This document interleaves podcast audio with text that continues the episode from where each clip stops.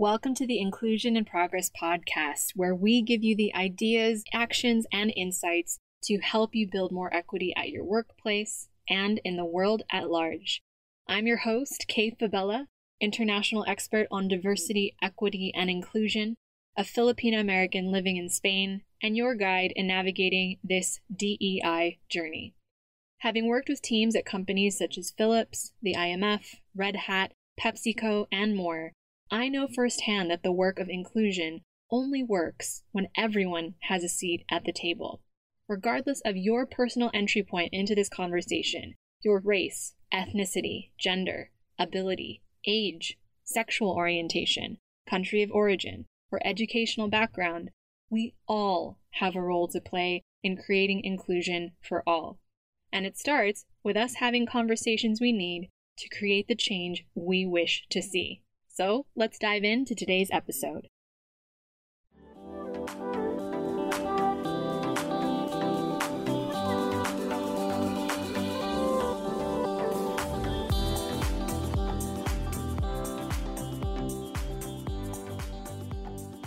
Hey again, friend, and welcome back to Inclusion in Progress. Now, as always, I want to start off today's episode with a huge thank you to those of you who wrote in after episode 91 that came out earlier this month, if you're listening in real time uh, in June 2022.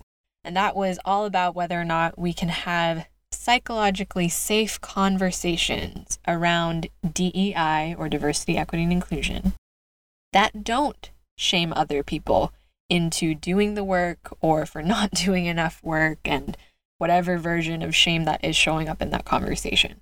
This is a topic that's obviously been on our minds for some time here at Team IIP, and I really appreciate the very thoughtful and nuanced responses that you've been sharing with us. Now, this second season of the podcast on psychological safety has been a pretty interesting one for us to dive into because it's forced each of us on the team as individuals and as a collective to really understand a concept that you know, I can say honestly, we often write off as being so basic to diversity, equity, and inclusion work. And we've really had to step back and say, well, is it that basic? And is it really something that we're applying and putting into practice, not just for our own client partners, but also for ourselves and for our team?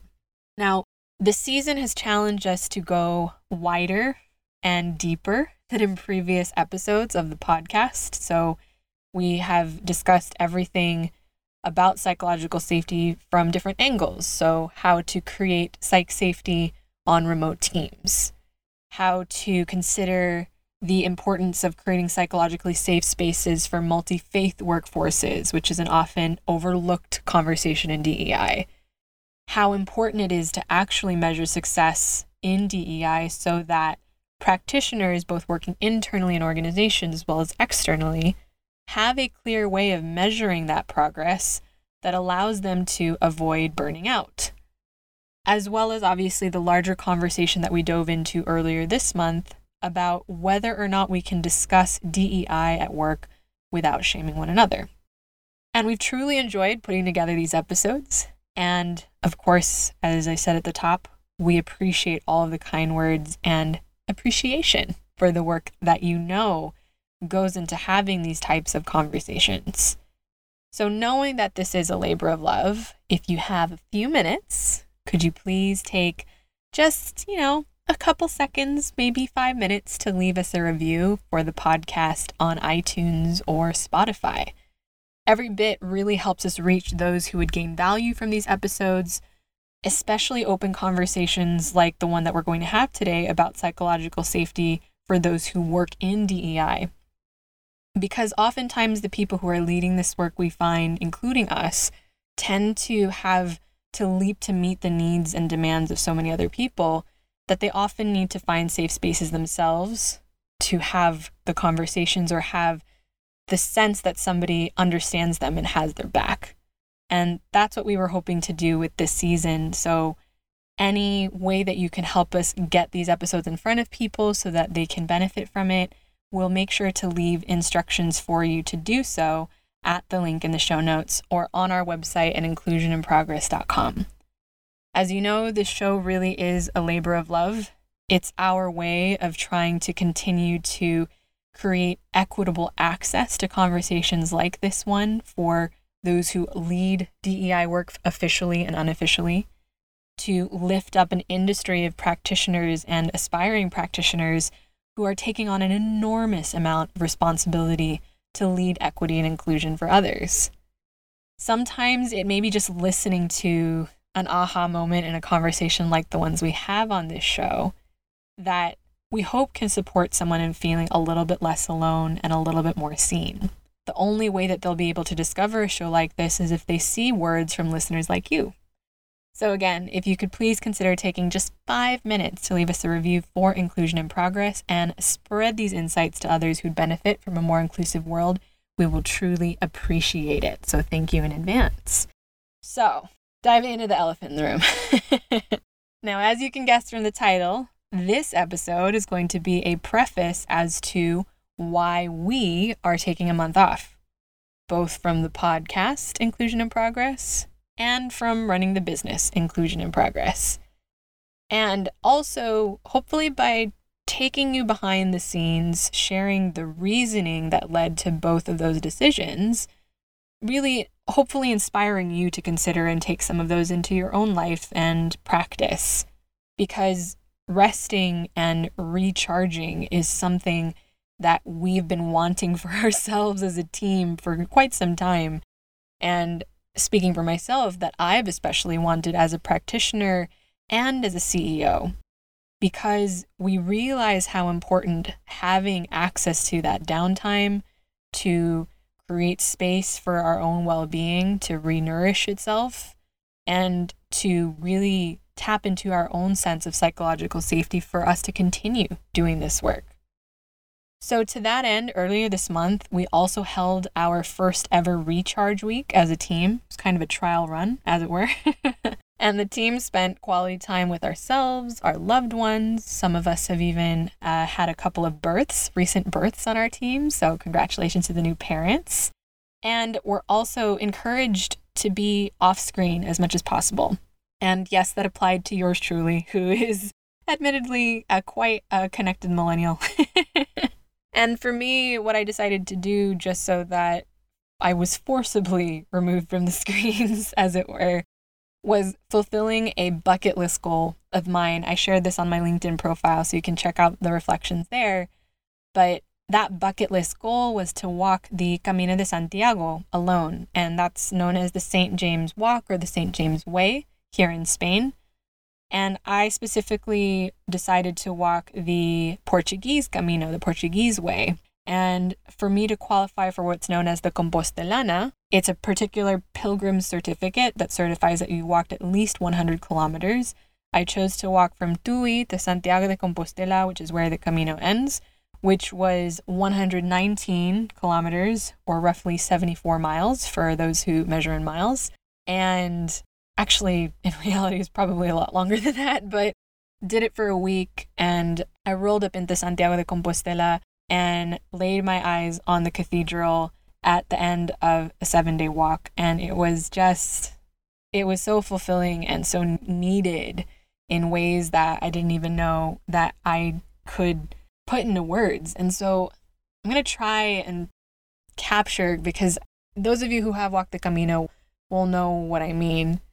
But for those who have not, there are very few experiences still on this planet, I think, where you can disconnect that fully, right? I wish I could put into words how healing that trip was for me as a practitioner in diversity, equity, inclusion for almost a decade now. An immigrant who is far from both of her homes, who continues to live far from both of her home countries, how healing it was for me as a business owner who openly talks about living with depression and anxiety, who is also learning to navigate what life means now for all of us as we navigate this post pandemic world.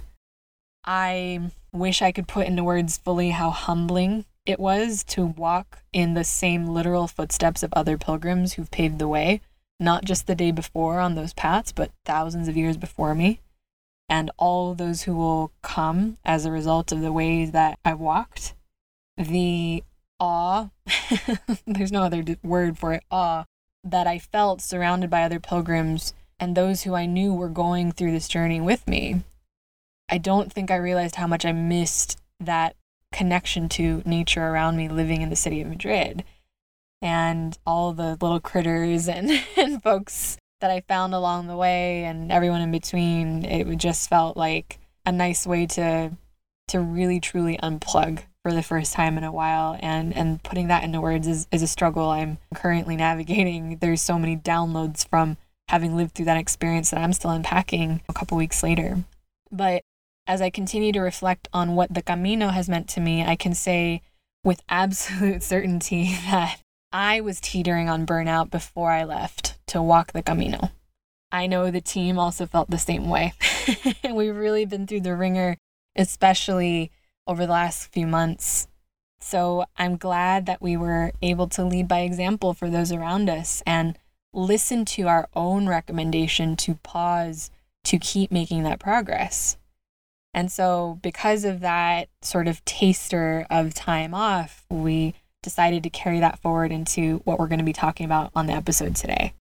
So, confession time. The last two years since DEI took center stage with the pandemic and the resurgence of Black Lives Matter and all of the other voices, the necessary voices that have been folded into the conversation around equity and inclusion. It's been a lot. That's probably not a secret confession. I think I've mentioned some version of this on the podcast, and we've always been talking about it on the team now for quite some time. And so, you know, it's been a lot for the client partners that we support. It's been a lot for us as a team, myself included. We've heard from enough of our trusted colleagues and our friends about their mental health struggles and challenges, their feelings of languishing and aimlessness, their frustration, their unhealed hurts or whatever pain that they're carrying with them. And we can safely include ourselves in all of those categories and all of those feelings that we've listed just here. And so, as we often say on the podcast, the irony tends to be that for those who choose to engage in DEI work, who are tasked with supporting other people, we often support ourselves the least at the expense of our own peace or our own selves. And of course, that applies to the team and myself, who I would definitely include in that description. And so, before it takes a heavier toll on us than it needs to, we are taking a much needed step back to regroup and recharge and come back in fighting spirit. So, it seems fitting that to conclude this podcast season on psychological safety, we share a bit about why Inclusion in Progress is taking a step back from our work, from this podcast, next month to focus on our own well being, and what we're hoping to return with on the other side of our much needed break. So let's dive in. The first reflection that's come up regularly for the team is we often, as much as we try to create spaces regularly to reflect in our weekly wrap up calls, in our monthly meetings where we look at the month ahead, in our quarterly meetings, we haven't really stopped to let those reflections sink in, right? and reflecting and zooming out, which I say often to the team, means we will understand whether or not the forward movement that we're taking is in the right direction and get clarity on what our own next steps are. And that's normal, right? We've had to jump to react to what's in front of us since 2020 put DEI front and center in organizations as well as in the wider world. And of course, we were already very uniquely positioned, as you all know, to help people out with our own intersections of equity and inclusion work, of remote work, as we are all 100% working remotely, and cross cultural communication.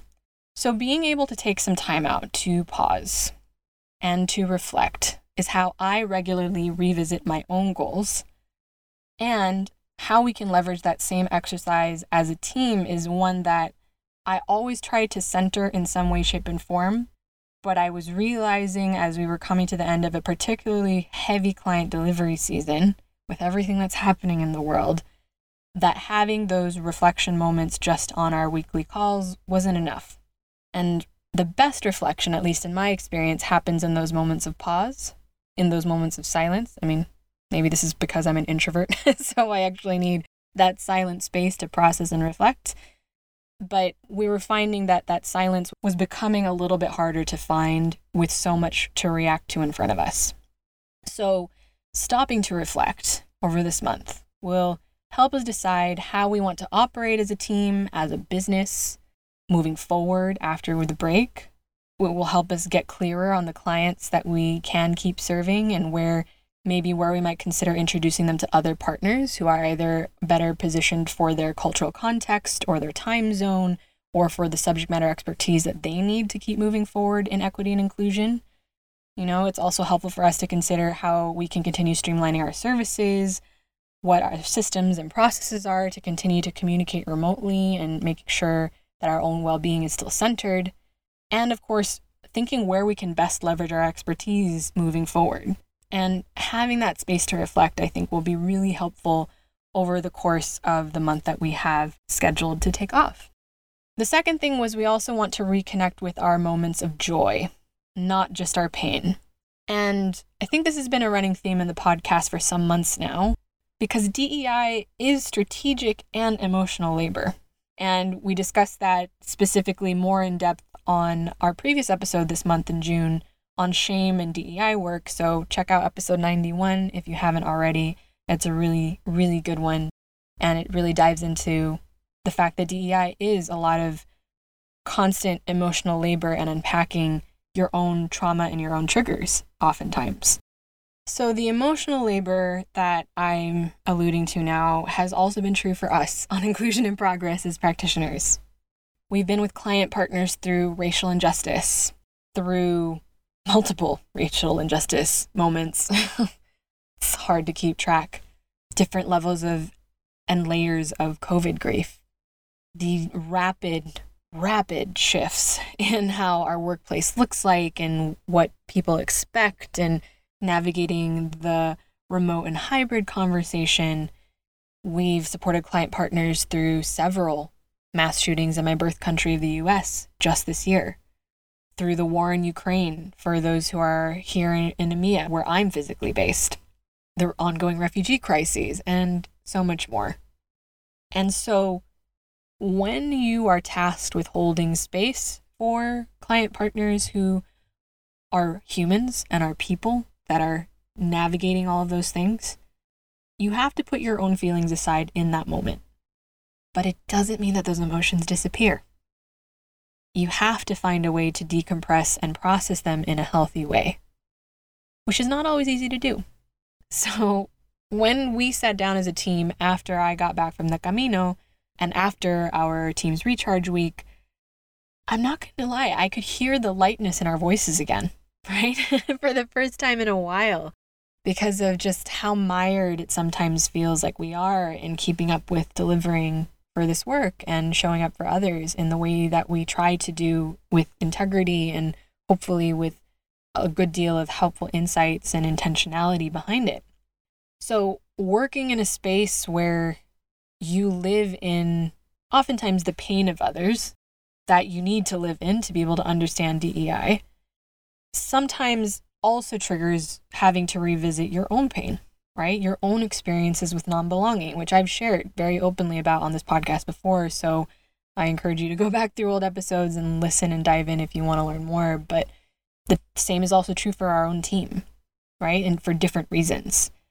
And when you are surrounded and plugged into not just others' pain in your work, but also the real life pain of so many people who are hurting from the last couple of years, it can mean that it's harder to reconnect with your joy, which is something that I really want all of us to reconnect with as a team, to be able to pour back into ourselves so that we can continue supporting each other and those who look to us for help. You know, this is a tricky one to have because it doesn't mean that the work isn't still serious. It doesn't mean that the work is still not urgent and important but it also requires us to draw from all of our faculties and our ability to really draw from our highest selves, which we can only really find in either moments of pause or moments of joy. And if you're just sitting in pain day in and day out, that takes its toll over time. So I can't wait to reconnect with our own moments of joy, whatever that looks like for each of us on our team. And if you're listening to these reflections as someone who runs or works with your own remote team and wants to discuss conversations about psychological safety in a way that's effective, that creates an inclusive environment for your team where you have open discussions around, you know, what does work look like that allows us to show up as our best selves, we would love to invite you for a free call with our team.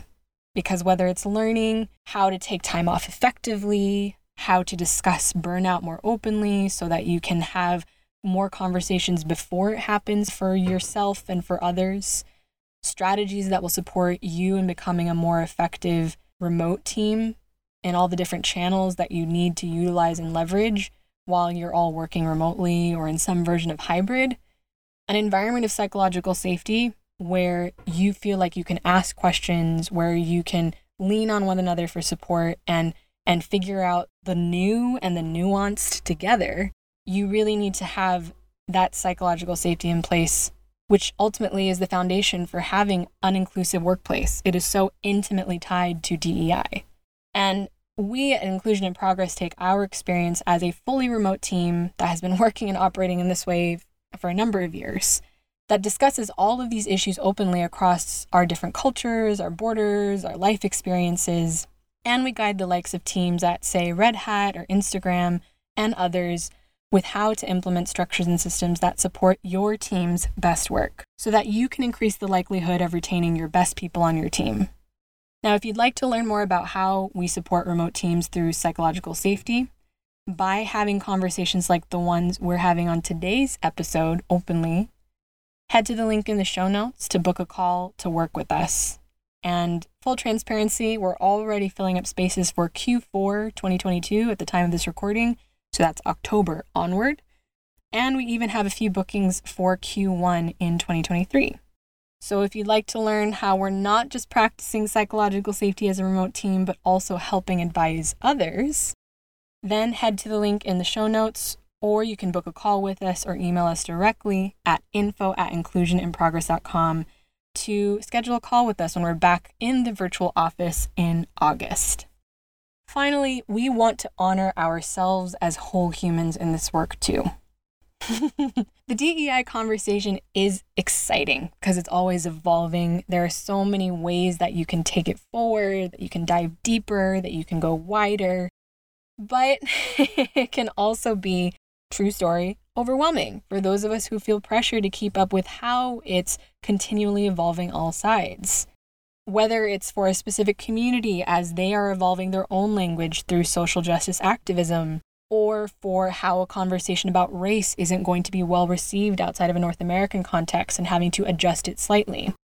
Well, before it fell out of fashion, so to speak, in this conversation, DEI leaders talked often about the importance of bringing your whole self to work. Now, there's a lot of different people pointing holes in this idea now, whether it's from the cultural side or the activist side or from even the DEI and HR side, that bringing your whole self to work may not necessarily be the best idea, right? But regardless of whether or not that phrase is considered outdated, DEI practitioners like those on our team do bring our whole selves to work. Because how safe or unsafe we feel walking into a room where we've been tasked with delivery will condition how we feel before, during, and after the engagement has concluded, and whether or not we're able to perform at our best, right? It doesn't mean that we don't have to work harder to navigate those things or that we're supposed to turn into robots and and not feel anything. But this idea of the whole self is inseparable for many of us who work in DEI. And this idea of the whole self that I want to come back to for this point of the conversation is that it is just as valuable for us from a non work context, for those of us who practice DEI. Now, to us as a team, it means that Inclusion in Progress is also pouring into and drawing strength from our non DEI roles, as some of us are new parents and primary caregivers, pet parents, passionate readers, instrumentalists and musicians and dancers and athletes and quite a few would be chefs on our team. We're very passionate about food here. Because as urgent and as important and as necessary as this work feels, as scary as it might be to imagine what might happen when we aren't in the room leading DEI work and not keeping our eye on the ball, we are also whole humans outside of our practice. Making time to cultivate the other parts of who we are will help us to continue to grow as humans, as whole humans. While in those spaces of pause, reminding us that the luxury that we get to be able to cultivate our joy and pour back into ourselves is actually what we're doing this work for in the first place. So that others may actually benefit from those same privileges and pathways to advancement and fulfillment. That is why DEI work exists in the first place. But we need to create that space for ourselves to reconnect with that. And that's what we're looking forward to as we take this month off. So there you have it. Why we're taking next month, July 2022, off from the podcast and also from our own work as a DEI practice, and some of the reasons and reflections that led to this decision. Hopefully, something in that by us sharing transparently where we're at as a team, where I'm at as a CEO and a practitioner, that you can also take some of those reflections forward, potentially learn from, identify what you want to take, leave behind, add to, potentially even be inspired by to implement in your own life or practice. Because what we've learned from working with DEI, with people, and company culture leaders for the past eight years is this psychological safety, the foundation of creating inclusion, is not just for the people who are going to be on the receiving end of the strategies we help create. It's just as important for the people like you as a practitioner who looks after our employees to feel that psychological safety as well. So that you have the knowledge that you can do your job effectively because you have the space to be able to try new things and recharge when you need it, as well as a way to seek out other perspectives to support your ability to do your work well if you need it. Because no one has this conversation cornered because it's always evolving. And the more perspectives that we have on actually leading equity and inclusion as our world continues to diversify and grow in its ability to welcome more and more people into our places of work, the more perspectives we need inside and outside organizations to make sure that our people continue to stay supported. Now, many of the DEI leaders we've worked with also crave psychological safety, including us, which is why we're taking this time off.